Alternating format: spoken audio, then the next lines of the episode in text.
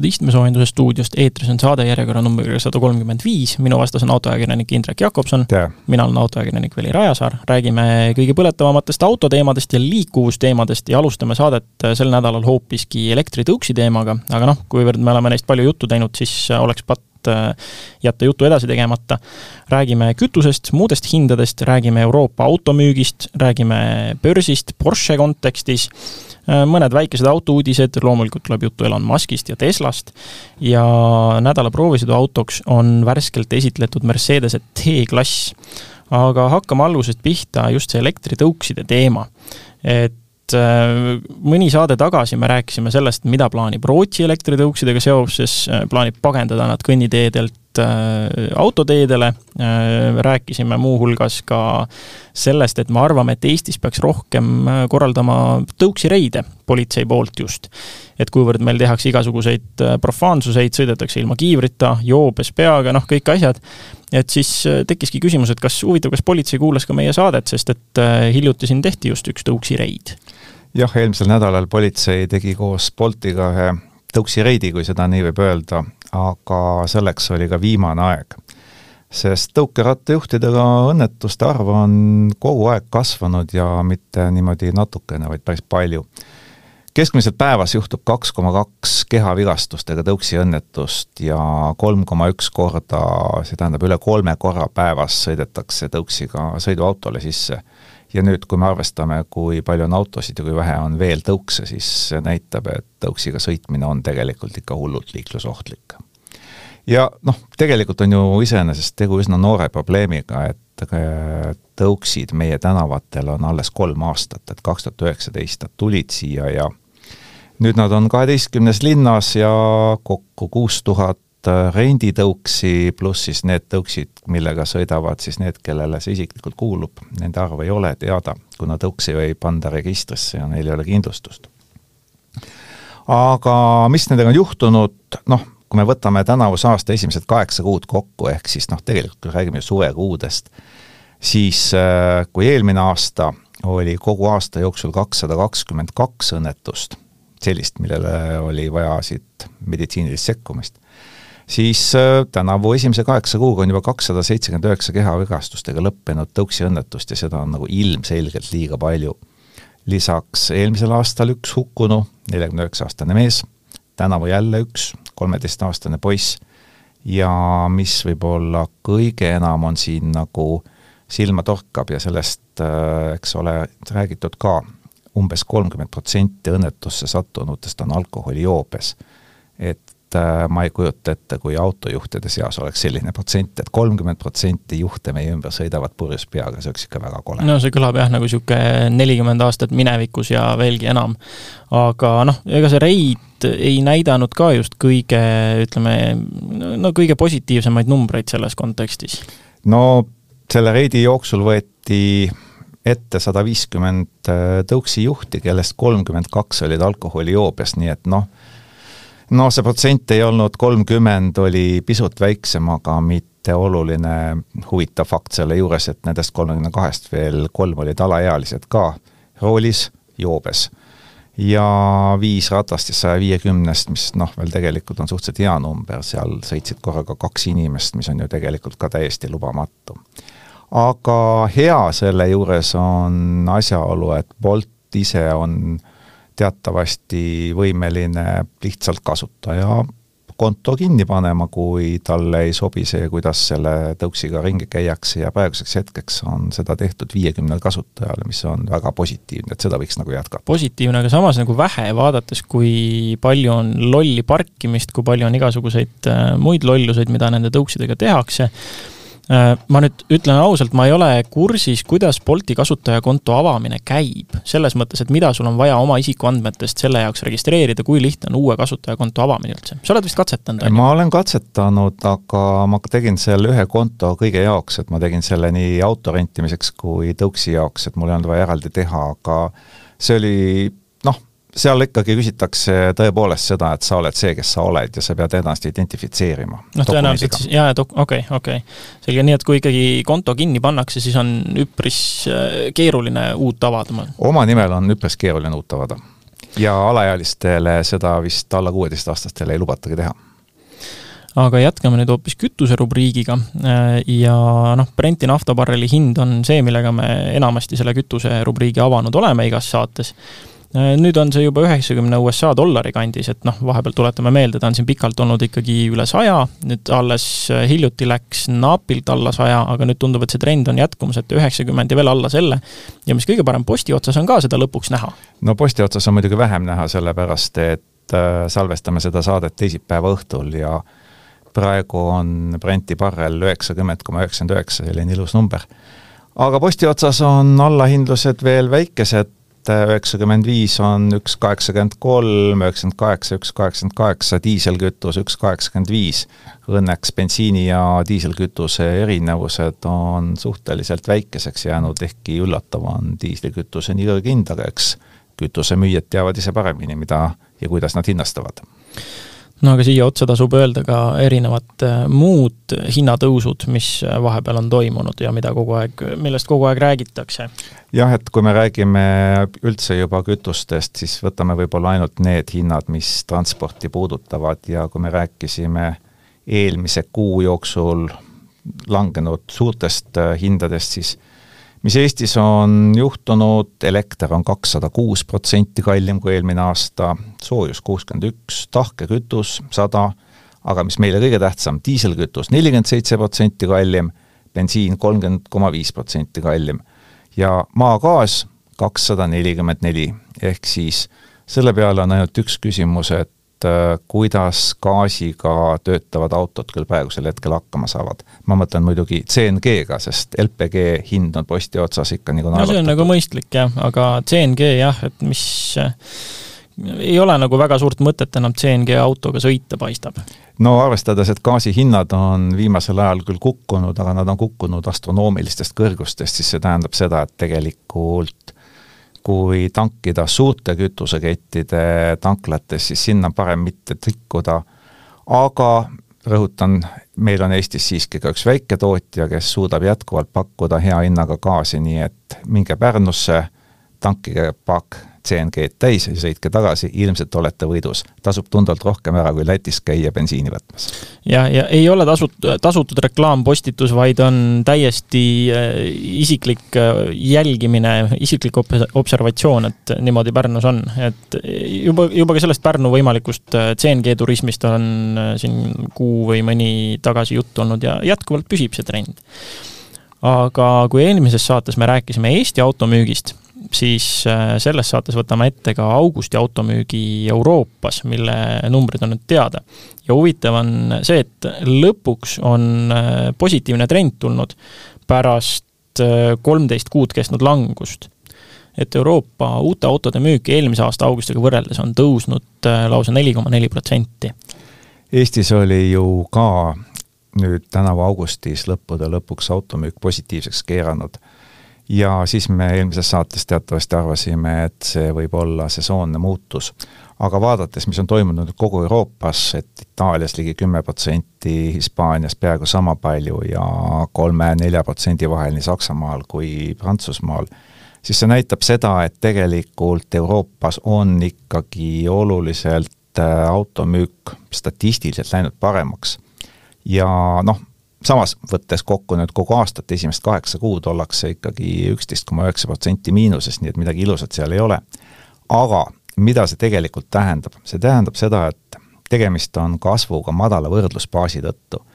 et äh, selle ainukene selgitus on see, et eelmise aasta augustis jõudis siis äh, Euroopasse kohalik iibikriis, et see on see tegelikkus, mis nagu siis pärale jõudis, et me oleme iseenesest äh,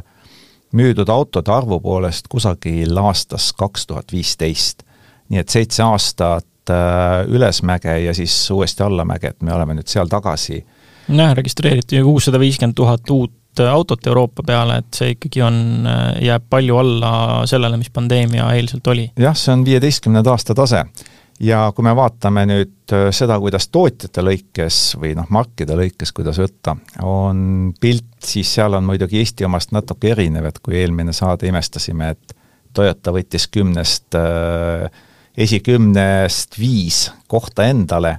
siis Euroopas on Volkswagen ikkagi vääramatu liider, seitsesada viiskümmend neli tuhat läks kaubaks. Toyota on teisel kohal viiesaja tuhandega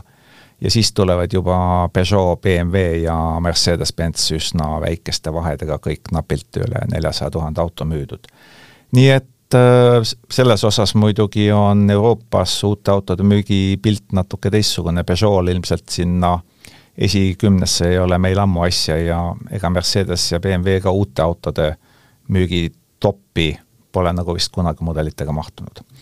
et see on nagu küllaltki üllatav, kuidas nii hästi luksusautodel läheb, aga tõenäoliselt nad suudavad tänu parematele hindadele pakkuda paremat saadavust ja eks see kiibikriisi tingimustes olegi oluline. aga järgmiseks võtame ette nädala börsiuudise ja nädala numbri, et äh, vihjeks juba nädalanumber on üheksa üks üks, see viitab natuke ka börsiuudise äh, staarile. et me oleme mit-,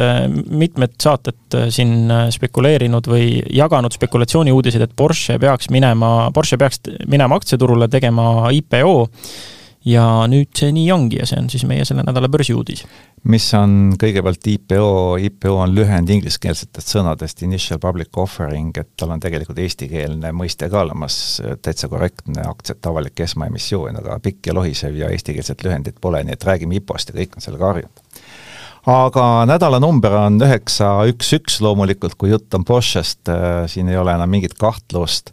ja see tähendab äh, üheksasada üksteist miljonit aktsiat on Porsche siis otsustanud emiteerida selle uue emissiooni käigus.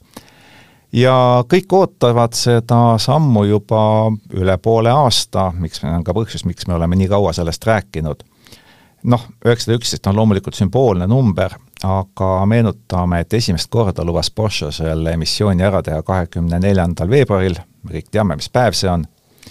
see on sõja algus Euroopas, et et äh, Boschel ei ole nende päevade alustamisega sugugi väga hästi õnnestunud. loodetavasti nüüd läheb paremini, äh, emissiooni prospekt peaks olema kohe-kohe väljas, no me ei tea, kas ta nüüd saate salvestamise ajal tuleb või natukene enne või pärast, et äh, siseinfo kohaselt suured tegijad olla selle emissiooni ära garanteerinud, nii et loodetavasti läheb Boschel hästi küllaltki üllatav, et äh, tullakse turule no majandusliku ebakindluse perioodil, et äh, suured ju aktsiaturud on langenud, maailma majanduse väljavaated on üha süngemad, äh, energiakriis niikuinii.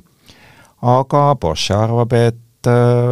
nad on nii tublid, nad toodavad nii häid autosid ja tegelikult ega inimestel on huvi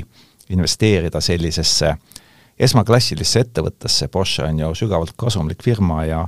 samas ta ei ole mingi eile alustanud idufirma ja ta ei kauple ka sellistel väärtustel nagu Tesla, mille puhul nende, nende väärtuste puhul kasumisse jõudmine ilmselt jääb nagu väga-väga tulevikku. noh, Porsche sellest kasumlikkusest rääkides ka, nad küll ise ütlevad, et noh, et nende marginaal ühe auto kohta keskmiselt on niisugune kakskümmend protsenti, aga insiderid on öelnud, et kate neil tegelikult on laias laastus viiskümmend protsenti toodetud auto kohta, et noh, seal pole midagi imestada et tsiteerides klassikuid, ehk siis äh, siinkohal Kreisi raadiot People go, go, go, money come, come, come, et äh, siin peaks olema ka investoritele, aktsionäridele äh, nii mõndagi initsiatiivi tulla nii kasumliku äh, ettevõtte aktsiaportfelli omanikuks. Aga muidugi, miks on Boschele seda väga-väga vaja ja miks nad tegelikult ei taha seda nii kaua edasi lükata, on see, et äh, Bosche ja Bechi pereliikmed, keda siis esindavad Bosche SE valdusettevõte, Nad, nad tahavad taastada parema ja tõhusama kontrolli selle oma kõige kallima vara ümber ja nad on öelnud, et nad saavad kakskümmend viis protsenti pluss üks aktsia, neil on blokeeriv hääleõigus selles tulevases firmas olemas, et kõik need Piehi skandaal, vabandust, Herdissi skandaalid ja kõik muu selle ümber käiva näitavad ikkagi seda, et Porsche tahab saada paremat kontrolli igatepidi nii Porsche enda kui siis ka natuke Volkswageni üle no aga Porsche ei ole ainuke, kes siin endale raha üritab äh, igatepidi juurde leida, on ka erinevad äh, elektriautosid tootvad idufirmad, kes äh, loomulikult tahavad oma kapitali kergitada. et nii Lucid, kes on siis üks kõige luksuslikumate elektriautode tootja ja ühtlasi, kelle käes on ka Ameerika Ühendriikides registreeritud kõige kaugemale sõitmise rekord ühe akutäiega see oli ja, üle tuhande kilomeetri kõvasti, on ju? ei, mitte nüüd päris kõvasti. sinnakanti, ma täpset numbrit ei mäleta, aga ta on jah, tema käes on rekord ja aga see auto muidugi ka maksab kakssada viiskümmend tuhat. jah, et ei ole mingisugune Tesla. jah, ja vesinikelektriautode ettevõte Nikola, mis on ju üsna kuulus ettevõte oma igasuguste trikkide poolest, tõsi küll, selle ettevõtte omaaegset juhti ähvardavad äh, Rootsi kardinad kahekümne viieks aastaks, aga noh, kohus pole veel oma lõplikku otsust langetanud, hästi talle see igatahes ei lõpe. nii või naa, et äh, mõlemal ettevõttel on raha vaja ja eks nad üritavad siis kaevule minna või investorite käest lihtsalt raha välja pumbata Liusit tahab saada kaheksa miljardit dollarit ja tema probleem on hästi lihtne, kuna tema IPO ei õnnestunud nii hästi kui Rivianil ja tal ei õnnestunud väga õigeaegselt nii palju raha kätte saada, siis praegusel hetkel öeldakse, et tal on tootmise jätkamiseks vahendeid umbes järgmise aasta keskpaigani, et siis kas saab raha või paneb poe kinni, no sellest viimasest oleks väga kahju, nii et ju siis investorid ikka talle midagi annavad ja Nicola samamoodi, no tema tahab saada ainult nelisada miljonit dollarit, mis on täiesti peenraha, eks ole.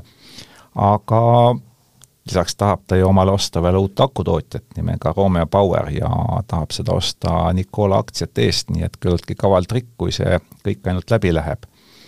noh, kas need asjad nüüd õnnestuvad, on omaette küsimus, selle aasta jooksul on Nicola aktsia kukkunud nelikümmend viis protsenti umbes, Lucid ligi kuuskümmend protsenti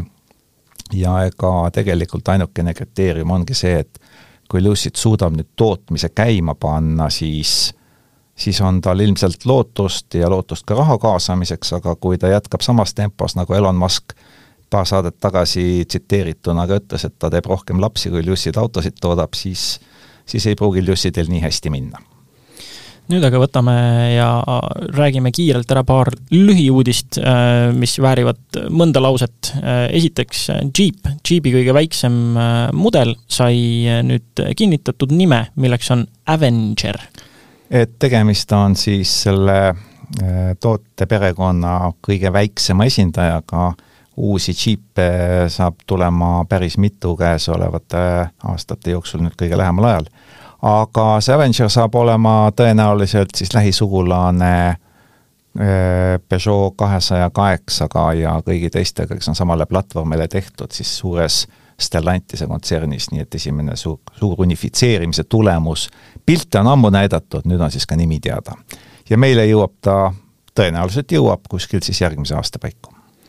Ja järgmine uudis on Bugatti ja Rimachi koostööd puudutav, et noh, enne juba räägitud, et äh, Volkswagen Grupp vangerdas igatepidi, vangerdas, mis ta vangerdas, pro-, sooviti Rimachiga rohkem asju teha koos. Ja nüüd ongi siis nii, et Bugatti ja Rimach teevad koos äh, autosid ja nagu me teame, siis Rimac on ähm, väga suur varasarv siis äh, elektrifitseerimise tehnoloogia osas, akutehnoloogia, elektrilised superautod. Bugatti seevastu vajas mingit võimalust modifitseerida, uuendada oma pakkumisi ja nüüd on siis kokku lepitud, et äh, Rimac jääb ikkagi elektri juurde ja, ja Bugatti lähemad kümme aastat vähemasti ei soovi ikkagi elektrifitseerimisest veel äh, midagi kuulda. nii et tõenäoliselt nad mõlemad jäävad nii-öelda oma liistude juurde, teevad seda, mis neil kõige paremini välja kukub ja seda, kus on teiselt natukene abi vaja, seda võtavad lihtsalt, küsivad nõud ja abi juurde. Äh, järgmiseks Fordist, Ford on registreerinud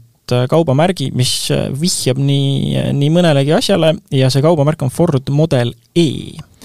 et märtsikuus juba rääkisime, et äh, Ford lööb oma tootmise ja üldse kõik kaheks, Ford Model E, mille all hakkavad tulema siis elektrisõidukid ja Ford Blue, kuhu siis jäävad sisepõlemismootoriga autod,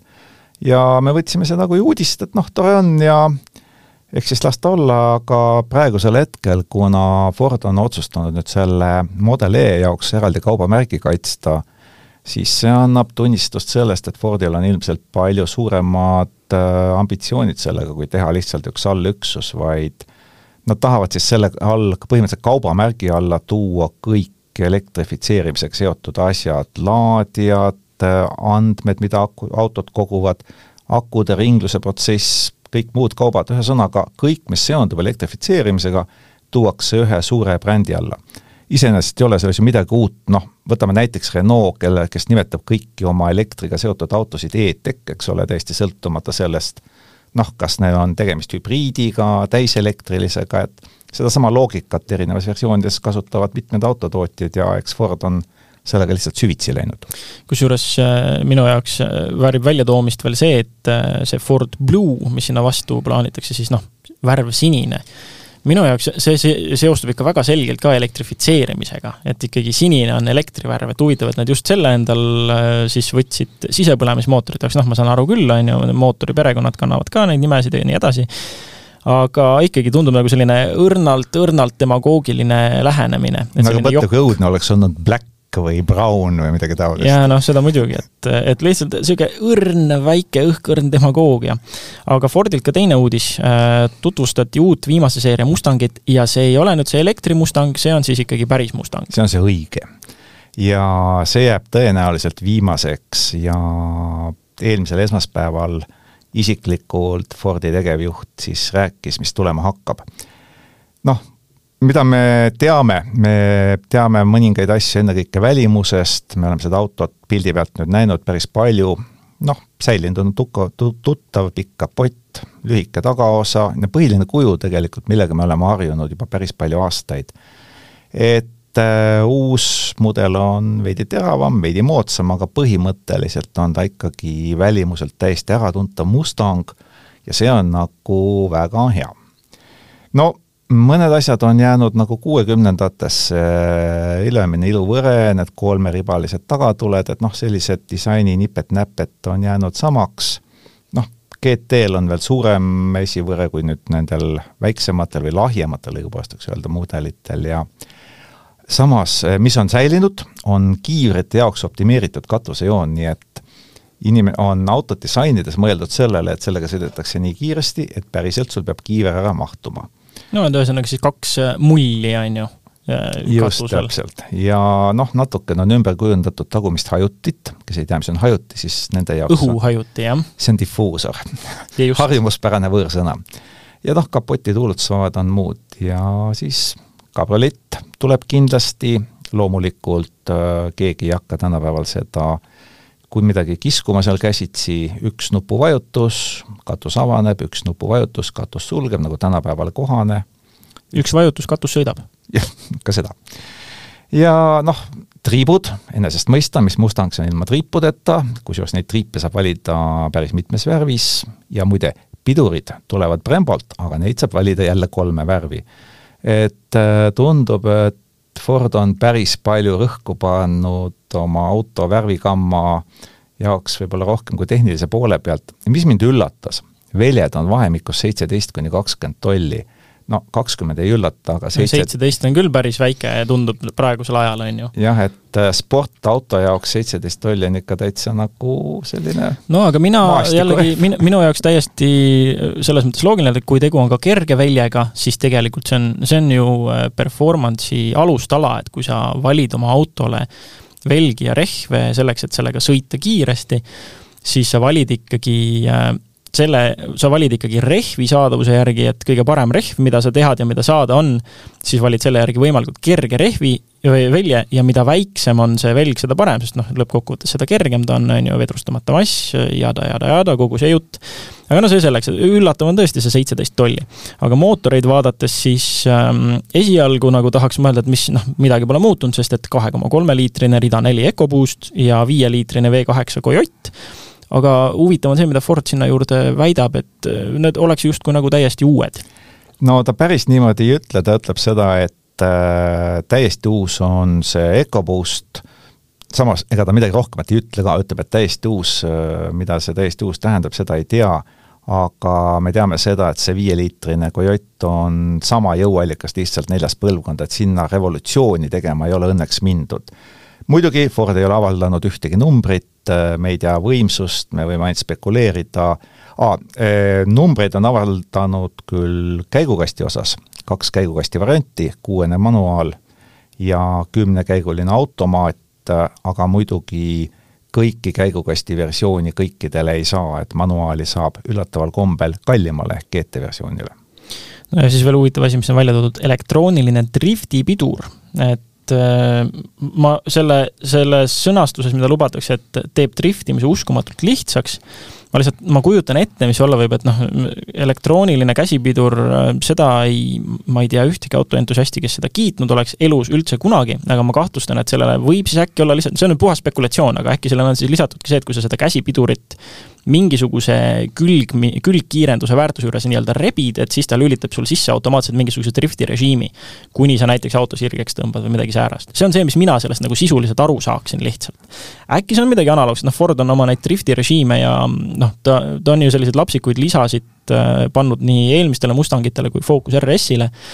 et mida ma Focus RS-i kohta naljatades ütlesin, et noh, et selle auto nagu kondikava sai paika pandud siis, kui äh, Fordi äh, mingisugune juhtiv insener võttis oma kuueaastase poisi tööle kaasa ja küsis, et millist autot ta tahaks, et siis tema pani, et oo jaa, et nelikvedu ja drifti režiim ja kõik asjad. Et noh, Mustangil on olnud ju ka meil siin line lock, mis lukustab sul või siis ühesõnaga ühendab äh, lahti tagapidurid, et sa saad esipidurid lukku panna ja rehvid siis taga põlema lasta on drag strip mode eelmisel Mustangi faceliftil kirjutati sisse, mis võimaldas sul kümme koma millegi sekundiga veerand miili läbida, et tegi põhimõtteliselt kõik asjad sinu eest väga kiiresti õigesti ära, et alates stardiabist kuni käiguvahetuste ja kõigeni. et noh, ma kahtlustan, et mingi selline sarnane lapsik lisa selle elektroonilise drifti piduriga siis tuleb. no aga arvestades seda, et äh, inimesed ei taha väga palju vaeva näha rooli taga, aga driftida ju tahaks, siis tõenäoliselt on äh, no ilmselt ei kasutata käsipidurit, vaid on eraldi režiim, vajutad nuppu ja selle peale auto hakkab driftima. noh, midagi säärast. aga järgmiseks, äh, mis oleks üks istmesoojenduse saade ilma Elon Musk'i uudisteta, äh, tuleb rääkida onu Elonist. ja esimene asi nüüd Twitteri osas on meil olnud pikalt vaikus, me ei ole Eloni ja Twitteri uudiseid rääkinud, teada on ju, et äh, on kohtusse minek ja nüüd on Twitteri aktsionärid siis teatanud, et nende enamus on saavutanud nõusoleku, et et nelikümmend neli miljardit dollarit on see, mille eest Elon Musk võiks siis Twitteri omandada. no Elon ise seda muidugi ei taha, sest ta jonnib pikemat aega nii avalikult kui ka mitteavalikult selle suhtes, et teatavasti Twitter on ebaaus ja botid ja võlts ja kõik sinna juurde käib aga see neljakümne nelja miljardiga nõustumine ei ole väga uudis ega üllatus, sellepärast et iseenesest sellega olid ju Twitteri ja enamus aktsionärid nõus ka juba pikemat aega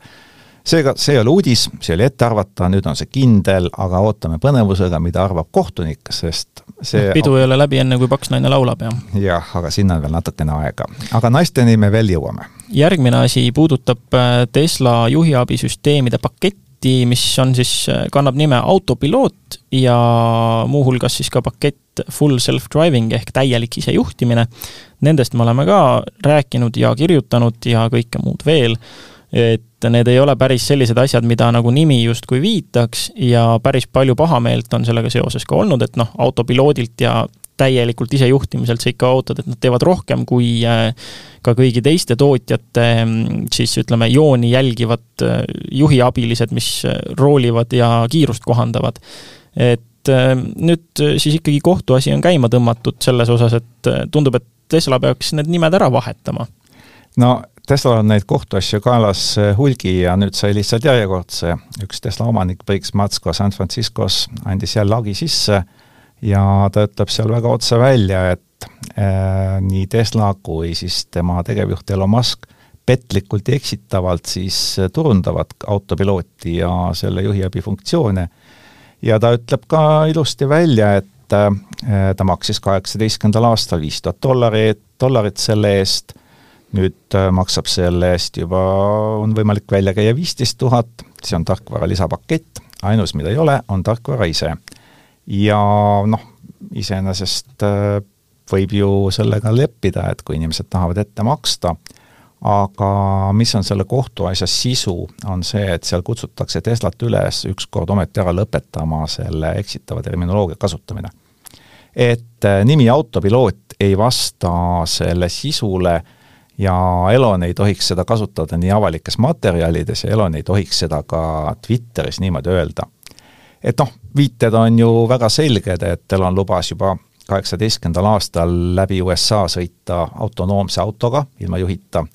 nüüd on meil aasta kaks tuhat kakskümmend kaks, see reis on ära jäänud jätkuvalt, siis kui me mäletame, üheksateistkümnendaks aastaks lubati robottaksot mida me ei ole ka siiamaani veel teedel sõitmas näinud ja tegelikult ju selle selle idee peal, selle isejuhtivuse peal on ju tegelikult kogu Tesla aktsia haip üles ehitatud, nii et äh, praegusel hetkel selle hagi osas noh, mis veel, võib-olla taustaks ehk nii palju, et äh, väidetavalt siis äh, Tesla avaldas kuueteistkümnendal aastal ühe video ja see peaks hästi otsides olema siiamaani veebisaidil saadaval, mis näitab siis, kuidas Model X sõidab ise garaažist välja, sõidab läbi linna, jätab juhi maha, siis leiab ise parkimiskoha, pargib ennast ära. et äh, väidetavalt Tesla endised insenerid, äh, kes selle video tootmisel osalesid, ütlevad, et seal kasutati eelnevalt kaardistatud marsruuti, see oli ilusti 3D paigas, ja see on tehnoloogia, mis tegelikult ei ole üheski Teslas nagu tootmisküpselt no me sel suvel sõitsime Volkswagen ID5-ga, rääkisime sellest ka siin istmesoojenduse saates, see ID5 oskab ka ennast paarikümne raadiuses, meetri raadiust täiesti ise sõita, garaaži ära tunda, ennast ise sinna sisse tagurdada, nii et selles mõttes tehnoloogia, mis võimaldab sõita paarikümne meetri raadiuses, on praegu olemas ja ka konkurentidel. aga see, et auto sõidab ise läbi linna, no ütleme nii, et sinna on veel aega. ja, ja seda näitavad ka erinevad videokatsed, mida on Tesladega ja selle full self-driving uga tehtud, et ta ikkagi väga segadusse läheb sellises päris linnakeskkonnas. mis ei ole ka mingi üllatus ega mingi uudisväärtusega, on see, et reklaamvideo tegemisel kasutatakse illustreerival eesmärgil äh, trikke, see, see ei ole mingi uudis. aga lõppkokkuvõttes Hagis ikkagi Matsko nõuab, et äh, esiteks ettekirjutus, et äh, Tesla ei tohiks oma juhiabisüsteemi turundada petliku nimega ja kasutada eksitavat turundust. ta soovib äh, raha tagastamist, mis on makstud tehnoloogia eest, mida Tesla ei ole tarninud ikka siiamaani, kuigi on lubanud. ja loomulikult ta siis tahab, et ikkagi kõikvõimalikud trahvid ka Teslale kaela saadetaks äh, mõnuga, et eks siis noh, eks ole näha, mis siis lõppkokkuvõttes sellest päriselt saab. no meie kommentaar on väga lihtne, et tegelikult ei ole mingit vahet, kui suure summa kohtunik Elonilt Äh, talle välja mõistab või siis ei mõista, et on see miljon, kaks või kümme Eloni rahade juures, on see päris ükskõik. aga kui kohtus selgub, et isejuhtivust ei ole ja lähiajal ei tule ka, sest see ei ole võimalik, siis äh, Tesla aktsia võib Elonilt kiiresti maailma rikkaima mehe tiitli viia. aga maailma rikkaima mehe tiitel on teatavasti kõige olulisem asi, mis Elonil on. praegu usutakse veel Elonit, aeg näitab, kellel on õigus, kas temal või turul no Elon on äh, suutnud väga osavalt äh, õhust raha tekitada ja nüüd peaaegu õhust üritab raha tekitada ka tema endine tüdruksõber äh, täitsa ülikooli aegadest, üheksakümnendate keskpaigast, kui siis Elon andis talle ja kinkis talle nii mõnedki igasugused esemed ja nüüd siis naine üritab neid oksjonitel müüa või noh, nüüd tõepoolest ka müüb ja teenib nendega raha et äh, tõepoolest äh, oksjonile läks äh, mõniteist eset, millest siis peamised olid toredad fotod sellest ajast, kui Elon oli veel noor, ja oksjoni lõppsummaks kujunes sada kuuskümmend viis tuhat dollarit, mis on küll muidugi kordades vähem kui printsess Diana eskorti eest, aga mõne pildi ja ühe kaelajaki eest ka täitsa korralik summa. et nad kurameerisid siis aastatel üheksakümmend neli, üheksakümmend viis mõlemad, siis elasid ja äh, õppisid Pennsylvania ülikoolis ja ega sealt nagu rohkem midagi muud äh, nendest piltidelt ei ole, noored inimesed, ikka ilus vaadata. ütleme, komprat ei ole ega midagi? väga komprat ei ole, no mis kompa see on, kui Elon istub ja klaas on käes ja pudel on kõrval, no ei ole midagi, Elon on, Elon on ise podcast'is võtnud ja pläru ette pannud, et noh, see, see, seda ei ole nagu siin, mingisugust uudisväärtust siin tegelikult ei ole, muud ei olegi, kui et seal on Eloni allkirjaga sünnipäevakaart, seal on mingisugused tema poolt kingitud esemed, et noh, tore, kindlasti leia-, leidub kusa-, kusagil keegi, kes neid endale tahab ja noh, ilmselt juba leidus, kui oksjonil kokku sada kuuskümmend viis tuhat dollarit äh, siis ähm, tüdruk, endine tüdruksõber Gwyn kokku ajas. nii et see oli nüüd äh, meie väike selle nädala kollane uudis, aga mis oli veel muuhulgas kollane, äh, oli selle nädala, nimetame ta siis proovisõiduautoks, Mercedes-Benzi uus T-klass ja sellele, kusjuures on väga huvitav, minu arvates kõige paremini sellele sobibki uus selle jaoks välja, välja tuldud selline sinepikarva kollane värv, et ka esitlusel olid mõned inimesed päris segaduses, mis selle nimi on, aga, aga väga hästi sobib sellele autole, tegu on põhimõtteliselt praegu kõige odavama saadaoleva Mercedes-Benziga üldse, et et tema alghind on ju täiesti uskumatuna tunduv kakskümmend neli tuhat põhimõtteliselt. kakskümmend neli üheksasada, no ütleme no, siis niimoodi, et kakskümmend viis tuhat, aga ikkagi Mercedes-Benzi kohta väga odav. ja eelmisel nädalal teda esitleti ja, ja sai käega katsuda sees istuda, vaadata, päriselt me temaga sõita veel ei ole saanud, aga küll me selle vea ka parandame. Aga noh, rääkida võib ikka, sest et äh, uus asi meie turul ja, ja selles mõttes äh, võiks olla nagu menu, et arvestades, et ikkagi Mercedes-Benzi märk on küljes ja samas nagu täiesti ütleme, üldse mitte liiga kooriv ja nööriv hind. Iseenesest on tegemist ju sellise autoklassiga, millel noh, õiget nime nagu ei ole, Mercedes ise kutsub teda mahtuniversaaliks ja ka no, paljud väikseks mahtuniversaaliks või väikseks MPV-ks, et ütleme, see on aga... noh, MPV-sid on niigi vähe, on ju, MPV ehk siis suur mahtuniversaal põhimõtteliselt ja, või mahtur, aga nüüd siis on võetud ja niigi sellises autoklassis, kus on vähe esindajaid, on võetud ja tehtud väike mahtur.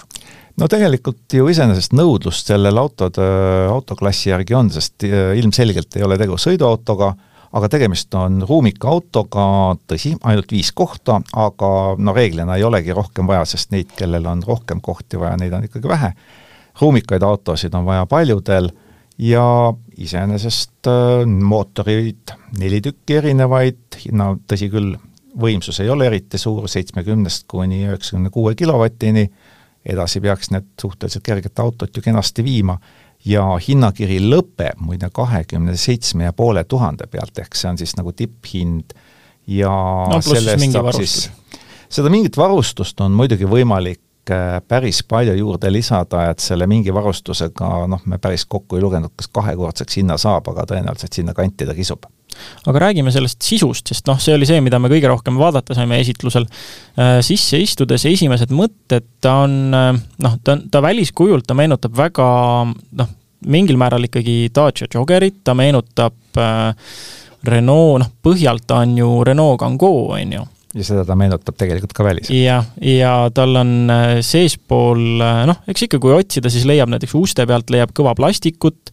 aga muus osas tegelikult selle hinna juures on äh, hakkama saadud minu hinnangul täitsa niisuguse adekvaatse sisustuse paketiga, et jäl-, jällegi tuleb sõita saada, et teada saada, kuidas ta näiteks su munakivi testis käitub, kas ta nagiseb, pläriseb, koliseb või kuidas temaga on. et noh, plastikuid tõsi, muidugi on, aga, aga samas nagu midagi häirima ei hakanud, istmed olid väga mõnusad, toetasid kenasti Äh, rooli oli täitsa mõnus käes hoida, et noh, helisüsteemi me veel proovida ka ei saanud no aga... tõenäoliselt, kui tal on tavaline helisüsteem, siis ta teeb ka seda häält, et raadiot mängib ja kontserti ei kuula. jah, just, aga samas äh, minu hinnangul täiesti adekvaatne sisustuse pakett ja mõnus olemine, eriti veel selle hinna kohta. et noh, kui arvestada seda, et äh, tänapäeval juba alla kolmekümne tuhande euros leti hinnas äh, saada kätte mahukas auto on iseenesest väga hea pakkumine ja kui siia juurde panna Mercedese kolmeharuline märk kapoti peal, no siis äh, mis sa, Ing, veel tahad? ja no eks, kui me selle autoga endale proovisõitu nüüd saame võtta, siis äh, teie olete ja tõenäoliselt ka selle ristaportaali lugejad olete esimesed, kes sellest kuulevad ja kes selle kohta lugeda saavad. aga selline oli meie saade sada kolmkümmend viis, aitäh, et kuulasite! Kuulmiseni!